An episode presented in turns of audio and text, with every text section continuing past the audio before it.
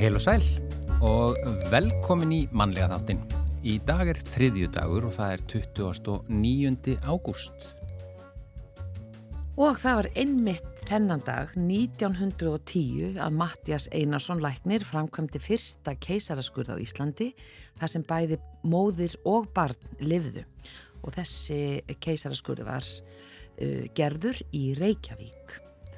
Ráðherra gaf út tilskipanir vegna ófríðarins í Evrópu á þessum degi árið 1914 til að tryggja hlutleysi Íslands. Íslandingum var bannað að veita ófríðaríkjónum uh, eða ganga í herið þeirra.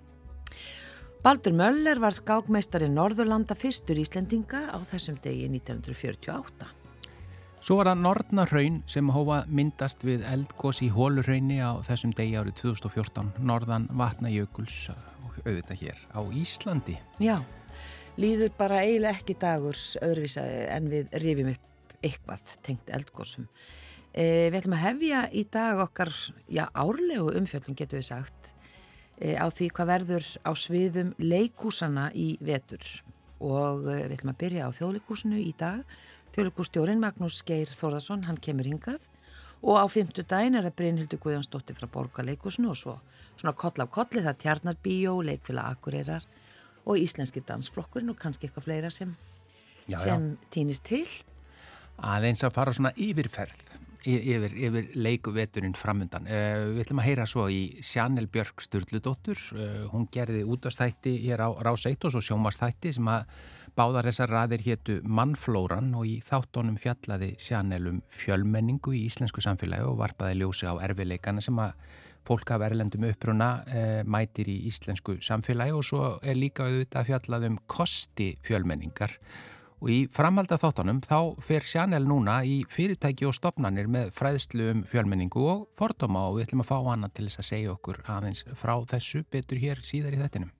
Veðurspjall á sínum stað, Elin Björk Jónastóttir kemur hingað og við heyrðum og lásum að það væri haustlagð, svona hressileg haustlagð á næsta leiti. Bara eiginlega handan við hornið og ætlum að aðtóka hún Elin Björk segir um það. Já, sjá hvort við getum kannski fengið hann alltaf frestinni. Já, eða, já, ég mitt. Já, eða fellana niður. Minkana aðeins. Já, uh, en við byrjum á tónlist eins og alltaf. Uh, þetta er uh, lagið Hjartaþrá og það er hann Sjónni Brink sem syngur. En Sjónni Brink hefði einmitt átt afmæli í dag, hefði orðið 49 ára í dag. En þetta lag er eftir hennar Bryndísu Sunnu Valdimarsdóttur. Já og var í söngvakeppninni 2006.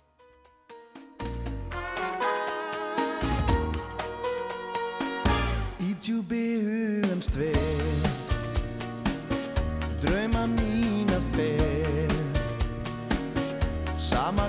ég fer. Örlaugin spinna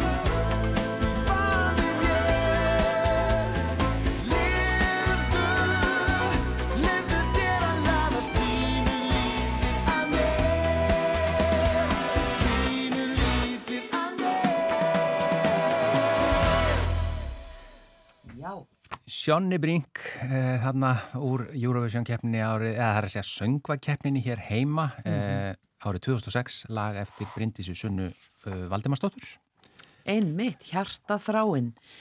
Uh, og við höfum fengið góða gest hér í stúdíu og við ætlum að, eins og við sögum aðan, fara yfir svið leikúsana á næstu vikum og Magnús Geir Þórðarsson, sestur hérna hjá okkur, þjóðleikústjóri. Velkomin. Takk fyrir, kærlega. Byrjum bara á, það er bara nýjung.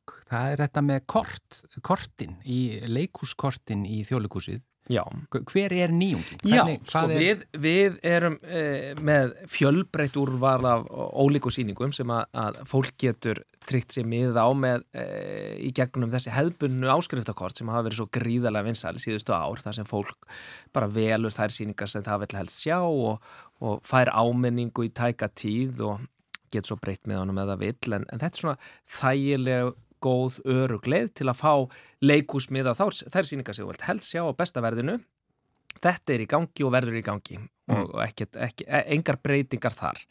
Hins vegar að þá erum við að kynna nýjung sem að, að við viljum meina sér byltingakent nýjung, hvorki meira nefnina, fyrir ungt fólk. Af því að e, það sem að við höfum séð er að, að ungt fólk á aldrinu svona 15 til 25 ára, að þetta er fólk uh, mjög gjarnan sem hefur gríðarlegan áhuga á leikhúsi og menningu og vill gjarnan sækja þetta í miklu mæli e, og hefur tíma, er ekki farið að rúa niður börnum eða, eða e, e, búið að fe- festa sig í einhverju alls konar, konar skuldbyttingum, hefur tíma og áhuga en það sem hefur skort upp á er peningar, mm. því þau hafa oft minna milli handana og uh, þeirra svona neyslu hegðun er kannski svolítið öðru sem okkar sem erum eldri, þau vilja frekar eh, stökkva til með skemmri fyrirvara og þess að þar Já. og með alla þessar upplýsingar í farteskinu og okkar eh, löngun til að geta tekið oftar á móti þeim og opna leikhúsi enn betur fyrir þeim, þá byggum við til nýtt eh, áskriftakort, opið kort fyrir þau sem að virkar í rauninni bara á svipaðan hátt á Spotify og Storytel eða Netflix þannig að e, þessi hópur getur orðið áskrifenda að þjóðleikúsinu borgað eina lága upphæð í hverju mánuði, 1450 krónur á mánuði og það veiti þeim aðgangað öllum sýningum leikúsins eins oft og þau vilja.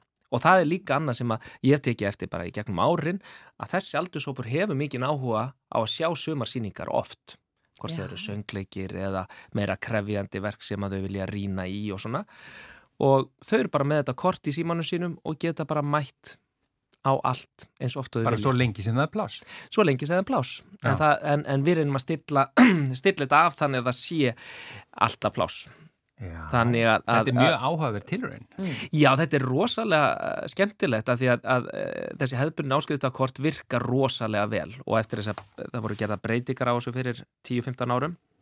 Þannig að fólk gætt sjálft vali hvaða sýningar eru í kortanum Já. sem að, að flesti kunna mjög vel að meta og það, það virkar mjög vel. En við verðum að horfast í augu við að þannig bara hópur sem að þetta hendar ekki alveg jafn, jafn vel Mm. og þess vegna kynnt við þetta núna fyrir tíu dögum og það hafa verið gríðarlega góðar viðtökur og, og, og virðist vera þessi hópur takki svo fagnandi og ætli að flikkjast í þjóðleikúsi í vetur. og hva, hvaða aldur er það segir sem að 15 til 25 ára. já, þannig að ég slepp ekki í þetta E, nei, þú Rétt í rétta- aðeins komin upp úr því að það. ekki. En þetta er kannski hópur sem fólk hefur haft áhyggjur af að skili sér ekki í, í það Já, kannski... sko, ég, ég held að þetta sé bara eh, viðfangsefni sem að alla menningastofnanir glíma við alltaf og hef, hefur alltaf verið. Og, og verður sennilega alltaf. Af því að er, þetta er eitthvað aðeins öðru í sér hópur en það vantar ekki áhugan og þá er það bara okkar sem vinnum í þessu stofnunum og erum að, að bera á borð eh, alla þessar sýningar og þessar list að reyna að finna leiðir til þess að mæta hópunum það sem þeir eru. Og Já. þetta er tilraun okkar til þess. Algjörlega og ekki, já, og bara alveg uh, sniðið að þessum hópi. En sko, við erum með hérna nýjan bækling sem að er bara uh, ofsalega flottur uh, þar sem að er verið að fara yfir allt sem að verður í vetur í, í bóði. Uh, það er nú alla hægt að fara í allt hér á þessum stuttatíma hjá okkur. Hvað, svona, hvað mundir þú segja rísi hæst? Já, þetta er þetta alltaf uh, svolítið erfitt af því að manni þykir vænt um öll börni sín og, og uh, leikár þjóðleikúsis er mjög viðamikið og glæsilegt og fjölbreytt, held ég að sé óhætt að segja. Þetta eru verk af öllu tægi, það er búið upp á, á átakaverk og gamanverk, fjölskylduverk, ný íslensk verk og erlend verk En þetta eru hérna svona afgerandi verk, tilfinningaþrungin verk sem reyfa við okkur. Veist, við erum ekki að sækjast eftir einhverju lokkmóllu eða miðjumóði heldur, svolítið afgerandi tilfinningum. Og við erum að takast á við alls konar stór málefni, e, allt frá ástinu og samskiptu kynjana sem eru eilíðamál yfir í mjög brín mál samtímans eins og umhverfismálinn og stríðsreksturinn og hvað áhrif það er að hafa á, á, á okkur og, og þess en e, og, og, og þetta eru ólík verk sem taka á þessu við erum með e, velukkaðar velunarsýningar frá síðast ára sem koma aftur til dæmis e, LMB og X sem að voru sigurvera grímunar e, sem voru heimsfrumsýningar inn í þríleiknum okkar. Já. þær eru að koma aftur og við erum að fara að frumsýna þriðja hlutana þríleiknum sem er ekki málið og ég veit að býða margir í ofvæni eftir því eftir að hafa séð hina tvær sýningarnar. Og nú er það Mayenburg, leikskáldið fræga sem mun leikstýra verkinu sjálfur fyrir tvö verki voru í leikstjórn Bendit Andrews En sem hann skrifaði. Já, uh, Mayenburg skrifaði Já. öll þessi verk og þau eru þessi heimsfrumsýnd á Íslandi sem eru, er gríðalegt tíðindi það hefur aldrei gerst áður að leikskálda þessari stærðagráðu velji að frumsýna, heimsfrumsýna verk á Íslandi og þau verða þessi sínd öll saman hérna núna á höstmánuðum og það er fjöldin allur á verlendu um, leikhúsmönnum og konum sem eru að koma hinga til lands til að sjá þessi verk og það er verið að setja þau á dagskrá leikhúsa um allan heim á næstu misserum. Og þetta þriðja verk er að mörguleiti svipað eh, fyrir verkonum tveimur en auðvita allt annað plott og aðra personur og þetta er sjálfstætt verk en gríðarlega klókt meinfindið en uh, leifur okkur að speikla okkur sjálf og okkur í nánum samskiptum þarna eru Svona hjól átök í nánum samskiptum Það má og- og svolítið milli kynjana eða hvað? Já, þetta, þetta er svolítið um það og þa þarna er þetta hjón sem byrtast á sviðinu sem eru leikin af eh, Ilmi Kristjánsdóttur og Byrni Tórs Mm. eh, og en, en eh, sams, eh, svipuð umgjörð og þetta er svona talar inn í, í, í þennan þríleik. Þannig að þetta er, það er gríðalega spennandi að sjá þetta koma á svið og svo er Ást Fetru, þetta tímamóta verk Söru Kein sem hefur aldrei verið sett upp á Íslandi, eh, var skrifað fyrir 20 árum á allir strömmkvörfum. Þetta er eh, ágengt verk eh, sem byggir á, á, á grí, grískum harmleik en er fært til nútímans og verður bara mjög hérna, nútímalett og flott og sérstaklega núna í meðförum Kolfinu Nikolasdóttur sem er, er ungur frábær leikstjóri sem er að leikstýra Margreti Viljánsdóttur sem er að stíga aftur á Íslensk leiksvið eftir Já. nokkra fjárveru og þar leikur hún aðalhutverki á móti Sigurbjarti Sturlu e, Atlasinni sem að leik meðal hans Rómeó í Rómeó og Júliu og uh, þetta mun uh, reyfa við og, og þetta er verk sem að kannski auðla svolítið nýjan lestur eftir MeToo-bildingun og allt sem hefur gerst á síðustu árum en, en mjög fersk og flott síning held ég að, að uh, fæðast þar Mm. Já. Eh, Svona nútíma uppfæsla á, eða, nútíma, hvað sem maður sjónarhóttn á, á þennan gríska, þessa grísku góðsögu. Já, það má segja sko að þetta er alveg nýtt verk sem Sara Kain skrifaði en það byggir á svona ákveðnum elementum úr uh, þess, þessari grísk, uh, grí, grísku sögu Já. en þetta er alveg nýtt verk og nútímalett verk og, og, og hérna auðvelt fyrir okkur að fylgja og svona stinga í samband við allt sem er að gerast, gerast í dag. Já, Svo er Bertolt Brecht. Já, og saknar ilmur. það er Já, svo- það er kannski Mútakuras, að þú nef, nefnir Brecht það er eitt af stóru virkjum 20. aldarinnar, klassíst verk eftir, eftir Brecht eh, verk sem að eh, skartar þessari stórkostlegu personu sem Mútakuras er, þar mun Steinun Ólína eh, vera í hlutverki Mútu Eh, þetta verk hefur ekki verið á íslensku atvinnuleiksviði síðan 60 eitthvað, því maður nú ekki nákvæmlega töluna ártalið, en, en þetta er, er mjög fyndið en átaka mikið verk en byrtist núna með nýri tónlist sem að Valgeir Sigursson og Helgi Rafn Jónsson semja, alveg æðisleg tónlist og Una Þorleifsdóttir leikstýrir eh, leikkópi þjóðleikursin sem að, að, að eh, er frábær í þessu hlutverkum. Þetta verður frumsýn núna í lok eh, oktober og Guðrú, þú nefndir Saknaril, Mm. það er líka verk sem við finnum fyrir að mikil spenningu fyrir, það er e, það er verk sem að byggir á, á bókum Elisabetar Jökulsdóttur, tveimur bókum hennar, annars vegar Saknarilmur og hins vegar Aprilsóla kuldi Já, Og þannig Björn Tórs að leikstýra unni, nú snýst þetta aðeins við. Já, þetta er í grunninn sama teimi sem að vinna þessi síningu og vann eh, velun á tímumóta síninguna Vertu Úlfur Já. sem að, að gekk hjá okkur í þrjú leikár og kvatti síðasta vor en var reynda tekið upp fyrir rúf og verður sínt á rúf hérna síðar í vetur. En það er þessi sami hópur sem að, að vinnu þessa síningu en Unnur og Björn skipta um hlutverk í staði fyrir að, að Unnur leikstýri byrni að þá er það núna Björn sem leikstýri unni. Og þetta er alveg ótrúlega fallegt, fallegt verk eh, sem að snertir hvert þann sem í salunum situr, trúi ég, gerði það að minnst kosti á samlestri sem ég var á um daginn það sem að, að maður klöknaði nokkru sinnum. Þarna er verið að fjallum maðgnasamband og lífið í öllum sínum fjölbreytileika, uh, glím, glímu við geðsjúkdóma, en þetta er, er uh, ótrúlega fallett, fallett verk. Já. Svo er frost í mars og það er nú kannski óvinnlegt að það sé komin byðlisti svona löngu áður en, en síninga frumsýnd. Þetta er auðvitað hérna, Disney myndin Frozen sem allir þekkja hérna, því nú hefur svo oft verið talað um það að það sé svo erfitt að fá leifi fyrir öllu sem að Disney á og þú veist, er, fenguðu með einhver alveg svakalega reglur og, og hvað má og hvað má ekki og svo leiðis. Já, sko, Fro- Frozen er auðvitað eh, heimstækt saga sem hefur heitlað eh, heimsbyggðin á síðustu tíu árum Mm.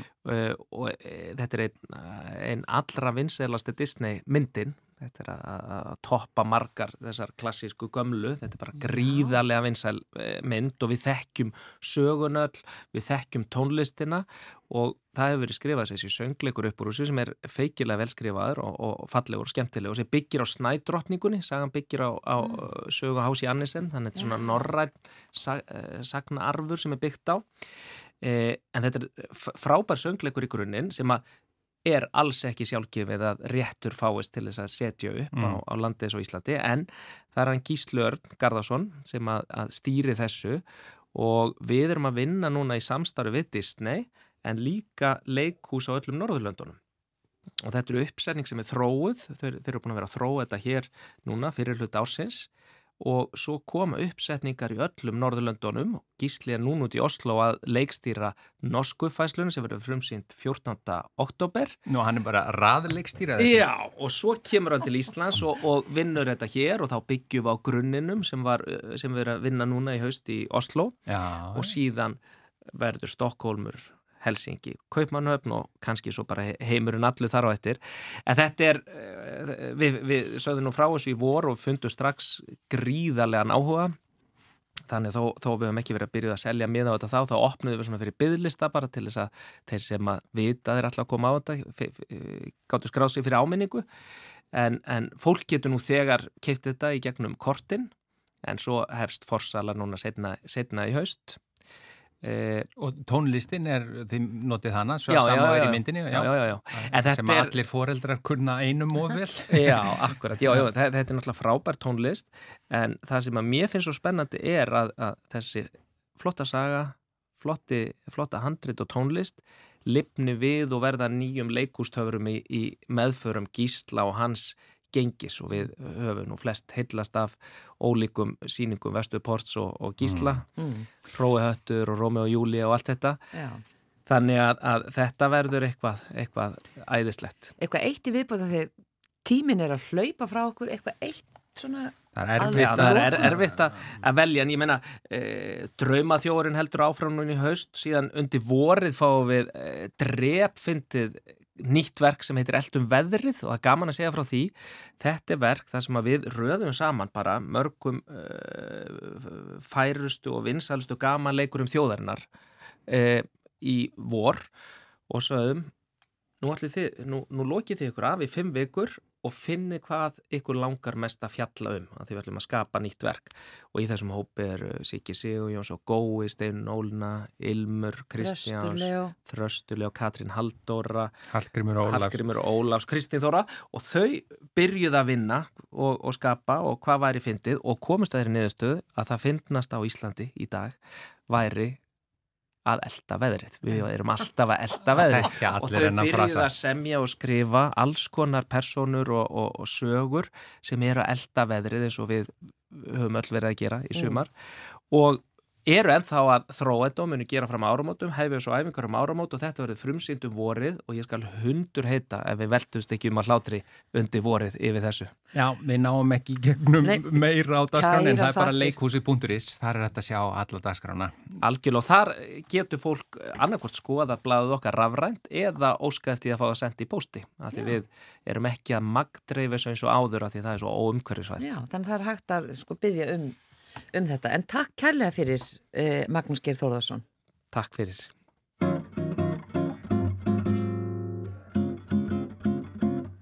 Don't you notice how I get quiet when there's no one else around? Me and you and awkward silence. Don't you dare look at me that way.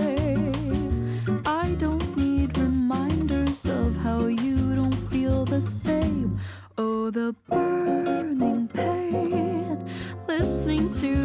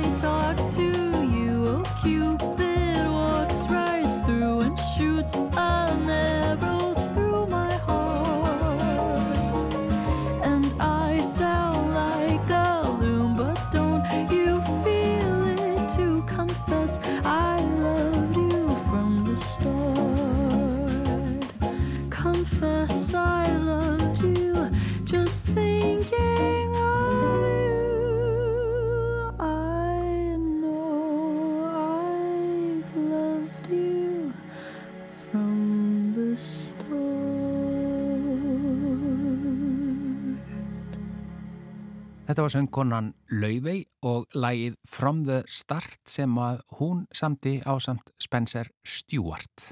Ég er komin með á línuna Sjanel Björk Sturludóttur, kontu sæl og blessuð. Já, hæ hæ.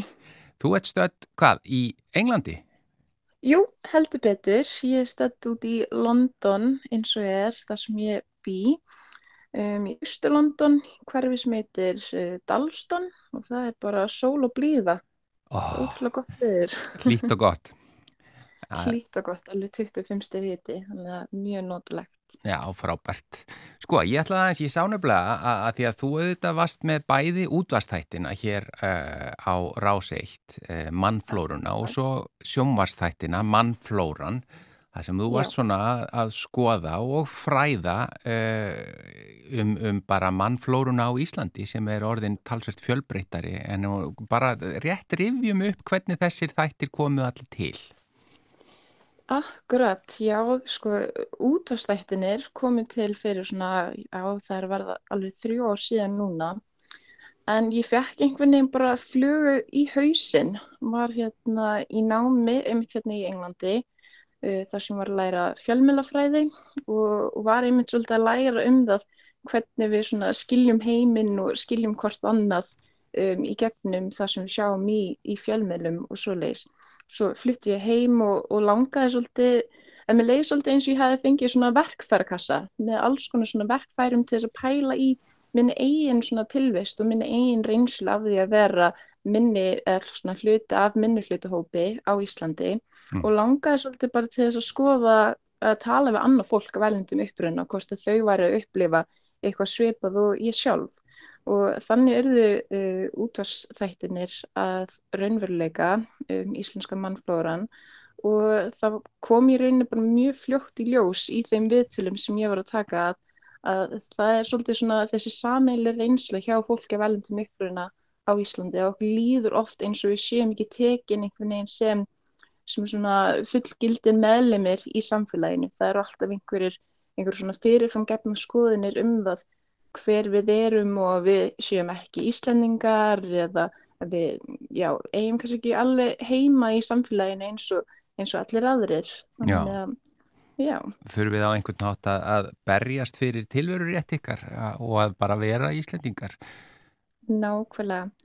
Og svo í kjölfarið það fyrir að viðtökunar voru bara svo ótrúlega góðar við útastættina og þetta ég gef líka þess að þætti út um, bara rétt áður en að Black Lives Matter mótmælin þarna 2020 ur, urðu svolítið stór. Já, og ég held að fólk hafi verið bara svona að leitast eftir því að skilja um, hvernig þetta málefni ætti líka við heima á Íslandi.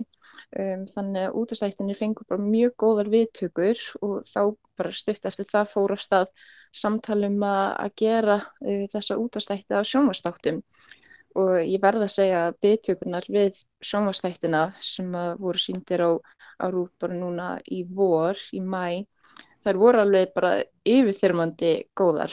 Það var alveg, ég, ég veit ekki alveg við hverju ég var að búast, en ég var ekki að búast við svona góðar viðtökur, myndi ég segja. já, það er nú gaman að heyra að því hérna ég ætlaði einmitt að spurja þig hvort þú hefði fengið einhverjar misjafnar móttökur eða einhverjar svona sem voru síður góðar. Ég myndi segja að mögulega vegna þess að líka hvernig við bara nálguðumst viðfangsefninu. Já, Um, þetta er alveg erfitt samtal, það er erfitt að tala um fordóma og það er erfitt að tala um uh, þessa, svona, þessa nýjar áskorni sem við erum að mæta í samfélaginu. Þannig að það var svolítið markmið okkar að skapa uh, þætti þar sem að öllum liði eins og þau væri bara velkomin inn í samtalið og svona ásakandi tótt var, um, myndi ég segja það sem við vorum all, al, algjörlega að að forðast í rauninni. Um, þannig að út af því þá held ég að, að um, bara alls konars fólk með mismundi bakgrunn og bara úr mismundi svona kemum samfélagsins, þau, við þeim leið eins og þetta væri alveg eitthvað fyrir þau til þess að horfa á líka. Og ég sá það bara á samfélagsmiðlum, þá er margt fólk um, að deila þættina og hvetja aðra til þess að horfa og svo fekk ég líka bara mikið af af enga skilabóðum frá fólki sem að var að þakka, þakka fyrir um, að við höfum farið af stað í þessu vinnu. Ég held líka sko bara að því að einmitt eins og þú segir, þarna er bara sapnaðir þú saman fólki eh, sem var bara að segja frá sinni eigin reynslu og var ekki einmitt, það var engin neitt ásakandi dótt, bara þessu hef ég lend í og þetta er kannski ekki alveg sumt nógu gott og við Mhm. eh, hérna sem erum hér, eh, eh, er að segja við hinn sem að þurftum bara að læra aðeins að því að, að því að auðvitað vill kannski enginn vera með fordóma en maður getur gert og það er líka sem er áhugavert að læra að, að maður getur e, sínt af sér fordóma án þess að ætla sér það. Nákvæmlega þessi svona ómeðvitaði uh, rasismi eða ómeðvitaðu fordóma um, og, og þess aftar. Ég held að eins og segir, ég held að flest á Íslandi vilja bara vel og margir Íslandingar hafa náttúrulega búið í útlendum og, og hafa jafnvel upplifað það bara sjálfur að, að vera útlendingar í öðru landi eða vera einhvern veginn öðru í sig eða vera með hreim eða þess áttar. Um, þannig ég held að margir Íslandingar bara tengja að, einhver leiti uh, við málefnið Mm -hmm. en það er einmitt eins og segir svo ótrúlega mikilvægt að, að hlusta á, á þessar persónlegu um, reynslu sögur og að átta sig kannski líka á því að, að þrátt fyrir það að ásetningurinn sé ekki til staðar þá er það svolítið mikilvægt fyrir okkur að átta okkur á því hver áhrifin eru. Og það er allt í góði að, að, hérna, að sjá af sér kannski að eitthvað sem að sæði eða gerði um, hafi kannski sært einhvern og bara líta á það sem tækifæri þá til þess að, að læra eitthvað um, af því en ekki tækifæri til þess að, að hérna, skammast sín eða eitthvað svoleiðis. Einmitt og, og taland um það að, að læra því að mannflóran voru útastættir og sjómastættir og svo er það meira. Þetta er í rauninni bara svona, e, þú, þú átt mannflóruna og ég, það er heima síðan mannflóran.is og þú ert að fara e, í fyrirtæki og stopnarnir ekki satt með fræðslu. Jú, hel, heldur betur.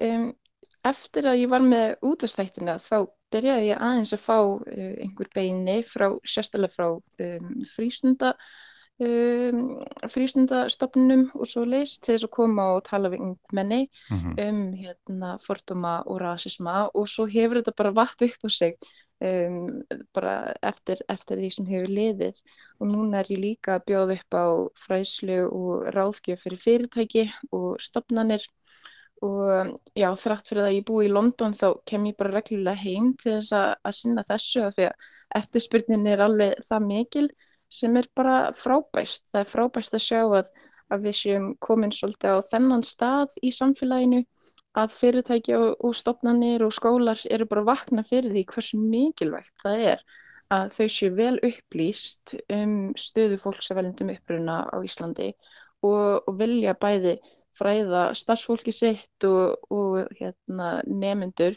af því að þetta er svo ótrúlega, þetta snertur okkur svo mikið í dag og eins og við höfum talað um því að fólk vill gera vel en það skortir kannski bara einmitt þessi verkfæri um, til þess að gera það og það er svolítið það sem ég er að bjóða upp á í gegnum mannflóruna. Já og þetta er Ísland bara orðið miklu meira uh, fjölmenningarsamfélaga en það var. Uh, þetta eru uh, týjir þúsunda einstaklinga sem að, eru hér af erlendum uppruna en, en sko hva, hvað ertu þá svona aðalega að fara í, hvað, hvað er þetta langur tími ef að, ef að eitthvað fyrirtækið að stopnun myndi vilja bóka því til að koma með fræðslu Hva, Mhm. hvað er þetta laungfræðsla og hvað, hvað ertu svona að fara í að, að, að, svona á stuttan í stuttri lýsingu? Já, þetta er svona 40 mínútur til klukkutími uh, fræslu erindið og þá er ég kannski að hérna, tala í, í hátt upp í 30 mínútur til 40 en síðan finnst mér svo ótrúlega mikilvægt í fræslunum að það sé líka, það sé virkt samtal á Mhm. milli míns og áhörunda uh, þannig að mér finnst mjög mikilvægt að skapa aðstæður þar sem að þeim líður vel og þau geta spurt spurninga og það myndast einhvers konar svona umræður í kjölfarið. Um, varðandi svona hvað ég er að fara yfir, það er rosalega misjönd eftir hópnum sem ég hitti en kannski svona til þess að byrja með þó ræði ég aðeins um bara fjölmenningar þróunna á Íslandi bara svo við áttum okkur á því einmitt hérna, hvernig samfélagsgerðin, hvernig hún hefur breyst og, og hversu mikilvægt það er að við skoðum þetta. Um, svo fer ég líka yfir bara rasismi, hvað er það í grunninn og, og sögu rasisma Mhm. og byrtingamyndir rasisma. Uh, einmitt þess að ómeðvituðu uh, rasisma og meðvituðu líka. Um, svo tölum við líka um annars konars uh, tegundir af fordómum, til dæmis menningarfordómar um, sem er kannski aðeins annars eðlis en rasismi en samt af nákvæmlega sumu meiði Mhm. og svo getum við líka talað um uh, forréttindi, um, öráreiti, bara alls konars hugtök en mér finnst samt líka mjög mikilvægt að, að taka fram mismundi, þessi mismundi dæmi um byrtingamyndir af þessum hlutum og líka hvernig þau tengjast inn í Íslands samfélag. Já, og færð væntanlega þá mikið af uh, áhugaverðum spurningum eftir svona erindi. Já, algjörlega. Um, ég myndi segja að kannski einn svona algengasta spurningin sem ég fæ er varðandi spurningar eins og hvaðan ertu? Já, Og fólk er svona að velti fyrir sér uh, hvar liggur línan, hvenar er, er í lagi að spyrja einhvern hvaðan þau eru og hvenar er það kannski óviðeigandi og, og til dæmis í, í hérna, það, því samingi þá er það náttúrulega svarið er bara að það er svo ótrúlega hérna, aðstæðu bundið. Það fer bara algjörlega eftir aðstæðum. Það er auðvitað allt annað að, að spyrja einhvern sem þú hittir um, til dæmis uh, einhver sem að vinnur í þjónustustarfi og, og, og hérna, það er engin grundvöllur fyrir þetta samtal en fyrsta sem að manneskjan spyr er nú býtu hvaðan erst þú og hverja manna erst þú og, og ég var lendi í þessu oft sjálf þegar ég var yngri að, að vinna í þjónustustörfum að, að ég var alltaf einu fann að reykja bara, bara hérna, sögu fólundar minna og hvernig þau kynntust og, og svoleiðis og fólk kannski átta sig ekki en- endilega á því um, áhrifin sem þetta hefur vegna þess að þau eru kannski bara að spyrja þessu spurningu bara einu sinni Mhm. en manneskjan er kannski búin að fá þessu spurningu mörgum sinnum á dag og bara alla daga vikunar og auðvitað getur það haft mikil áhrif á, á svona sjálfsmyndina. Já. um, en í öðrum aðstæðum þar sem að það komin einhver grundvöllin, einhver vinátta eða einhvers konar straust þá auðvitað er hérna kannski meira ástæða til þess að fara að spyrja út í svona forvöldnilega spurningar. Já, þetta er frábært, þetta er mjög áhugavert og, og þú sem sagt, við bendum bara fólki á, uh, segja fyrirtæki og stopnarnir og í rauninni nánast hvaða hópar sem er geta bókað þig ekki satt. Jú, algjörlega, ég myndi segja það. Ég hef svona mest verið að fara inn í uh, skóla Já. og hef verið að tala við ungmenni og, og í frístundastarfi og svo leiðis. En mér finnst það frábært að sjá að það er komið meiri áhugi núna frá fyrirtæki og stofnunum og til dæmis um, ef maður bara velti því fyrir sér þessi fyrirtæki og stofnunir í dag, mörg þar eru einmitt að þjónusta uh, fólk af erlendum uppruna. Þannig að það er algjörlega þeim í hag eða þá að, að hérna, starfshópurinn þeirra er orðin mun svona fjölbreyttari heldur en áður fyrr. Þannig að það er algjörlega þeim í hag að vera með þessu hluti svolítið á hreinu af því að um, það eru bara breyttar aðstæður í, í samfélaginu og við þurfum öll að vera vakandi fyrir því. Sjanel Björk Sturludóttir, takk kærlega fyrir að segja okkur frá þessu. Við bara bendum á mannflóran.is, þar er hægt að fá upplýsingar og jafnvel bóka, ekki satt? Jú, og horfa á þættina líka. Og, já, horfa þættina á rú.is, það er hægt að finna ennþá alla, alla mannflóru þættina og ég held meiri sé að það er sett að hlusta út af þættina líka. Takk innilega fyrir spjallið, Sjanel Björk. Já, takk. Come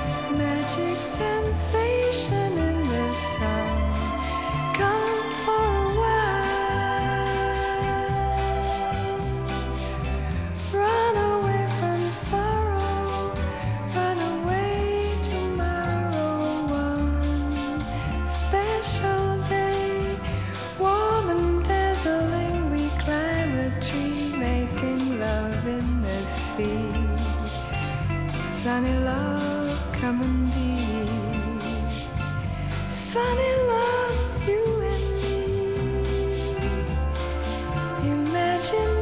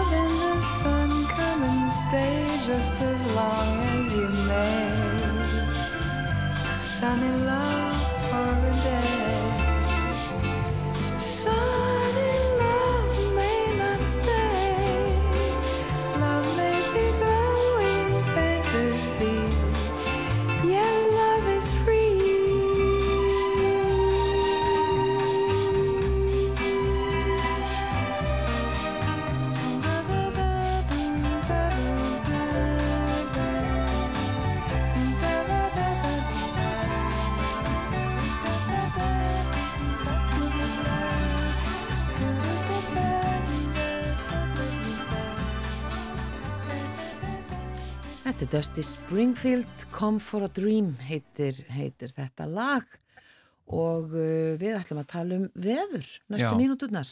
Uh, Elin Björk Jónasdóttir, þú ert hinga komin, ertu komin með drauma veðurspá fyrir okkur? Komið með haustlæðirnar. Já. Nei! Sko ég skal segja þér, ég hef búin að vera þjálfa nýjan veðurfræðing í sumar og hún hefur búin að fá ekkert veður til þess að þjálfast í. Þannig að ég er búin að vera að óska mér hvað, hvað þýðir og það? svona rólegheit sko. Já. Þannig að Já, það já. náttúrulega þegar maður þjálfast ekki að spá fyrir um, um djúparlæðir ef þær bara mæta ekki. Já, Þannig að ég var nú svolítið glöð að sjá þetta sko í spáni, bara svona fyrir hennar sækir að hún fái smá hérna. þannig ertu búin að játa þetta. Það er meira spennandi fyrir ykkur þegar það kemur eitthvað klikkað veður, sko. Alltaf, já, já, já, það segja það allir. Já. Já, já. Og, þetta gæti verið sem sagt uh, viðvörun með lit og hvað hefur áhrif? Sko bæði er kvast, það kvessir bara talsvært í þessari lag. Við erum semst að tala um lag sem að er svona í spánum hérna söður af landi eða söðvestur af landinu sem að nálgast það mjög hratt á föstudaginn. E, tímasetningarnir eru nú ennþá svolítið óljósar en þetta helgin er svolítið undir þessu föstudagur og lögadag sérstaklega. Og þannig verður það spá bara stormi 20 til 25 metrum kannski e, viða á landinu og mikill í regningu. Uh, og eins og staðinni núna þá lendir regningin nú mjög mikið hérna fyrst á vestanverðurlandinu svo suður og suðausturlandi um, austfyrðir og, og norðausturlandi sleppur svona betur hvað það varðar og þá við erum auðvitað alltaf að horfa líka svo skriðustæði eskifjörðu segis fyrir dæmis Já. þannig að enn sem komið er þá sleppur það ágætlega en við verðum bara að fylgjast opaslega grant með því hvernig þessi þessi spá endar sko en það er alveg klárt að þau sem ætlið að vera með útiparti? Föstaskvöld og lögadag ættu kannski mögulega hérna. Velta Færa sig inn. Já, Já, Já. Og, og öll brúðkaupin. Já. já, já. Inn með þau inn með líka. Þau, einmitt. já, já. Já, já. Þetta er uh, fyrsta lægðin, þetta það þetta er er, koma síðan bara í, í byrjuðum, helduru. Er, er, er eitthvað hægt að sjá svoleiðis fram í tíman? Nei, sko, já, það er nú líka það, sko, að hérna, blessaðar langtíma spárnar, það er eiga svo erfitt með haustin þegar við erum svona að færa okkur úr einhverju svona sumar tímabili yfir á haustin, sko. Mhm. Þannig að þegar ég skoði langtíma spárnar fyrir, fyrir tveim vikum, þá leit nú bara út fyrir að það ætlaði að vera bara sama hæðin yfir landinu og engin veður kæmust hér upp að. Svo viku síðar, þá er þetta orðið bara svona, já, nei, þið eru hér í lagðabraut, þannig að það verður spennt að sjá hvernig þetta lítur út í næstu viku. Þannig að það, við erum ekki með neitt áræðanlegt til þess að tala um. Nei, en svo er, svo er annað. Hlaupir hafið í skaftal. Hlaupir hefðið skaft, já, Já. já, já.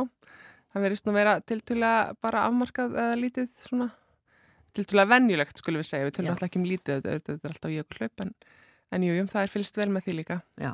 Það er nú ekki veður tengt beinlínis, sko. Nei, nei, við heyrum betur um, um, um þetta. En, en hvað hefur áhrif á uh, hérna eins og þess, þennan storm sem er að koma? Er, er þetta, hvað, fellibilur einhver stað? Já, sko, þannig að auðvitað, auð- auðvitað eðlilegt að myndist lagð hérna söður af landinu, þá kemur kallt loft svona frá, frá til dæmis nýfundalandi eða svona norður úr og svo hlýtt loft sem mætir því að móti.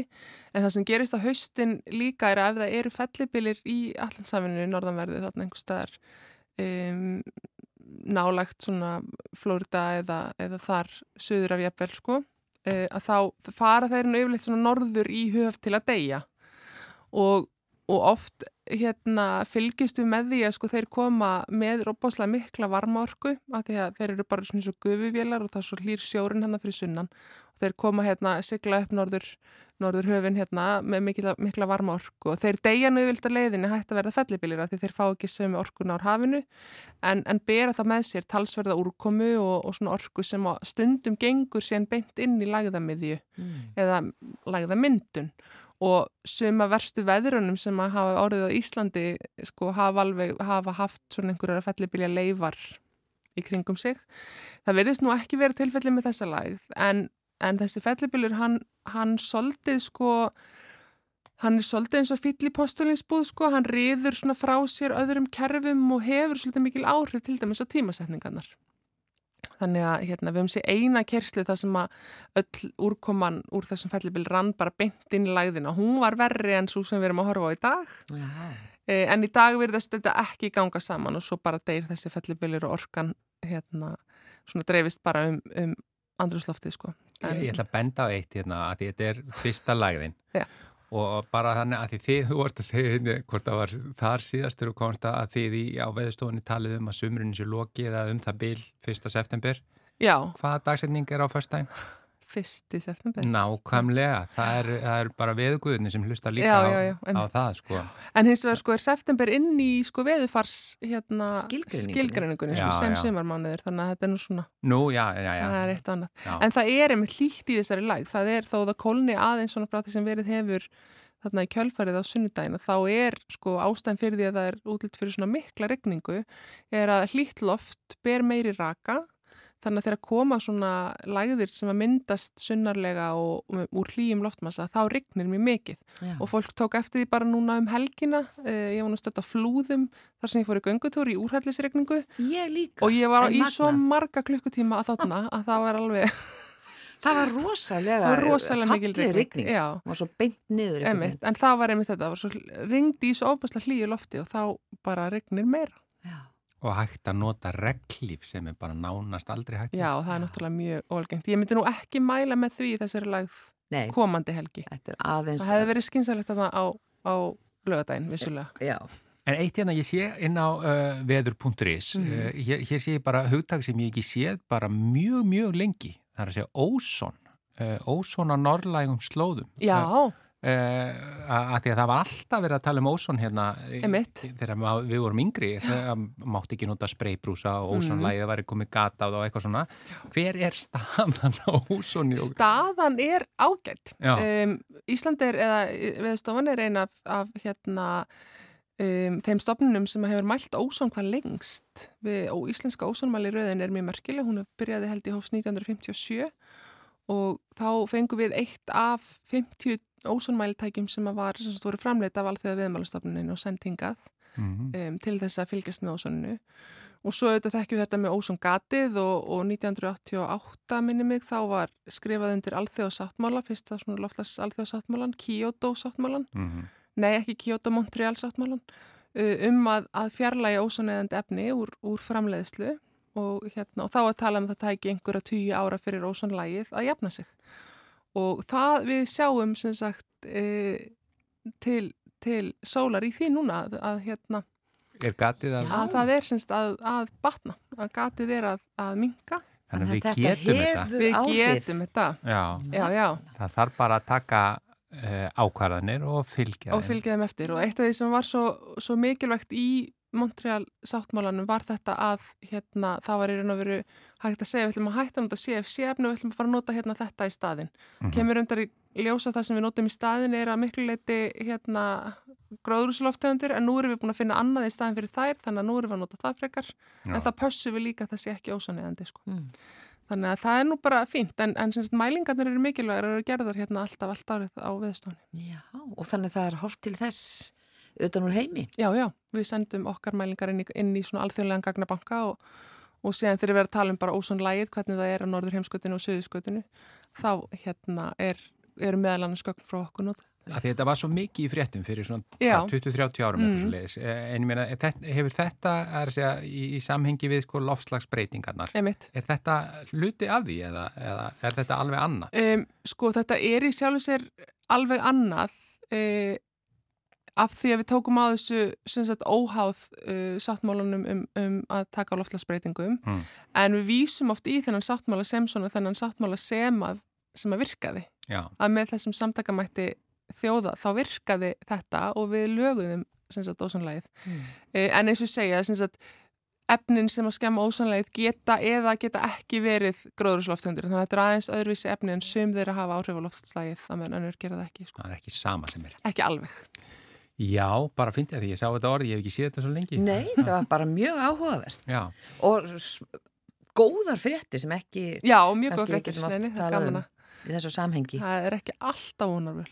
nei, og líka það bara við, við getum þetta ef, Já, við, ef við tökum okkur síður, saman. Já, þannig að nú er bara það að brettu börmar í, í, Algjörlega. í hinnum. En Elin Björk Jónastóttir, takk fyrir komina. Takk Já. fyrir mig. Og þar með líkur mannlega þættinum í dag. Við erum komin á leiðarenda og verðum hér aftur á morgun. Þá er miðvikudagur postkort frá Magnúsi að reyna sinni. Og fleira og fleira. Við þökkum innlega fyrir samfélgina. Verðið sæl.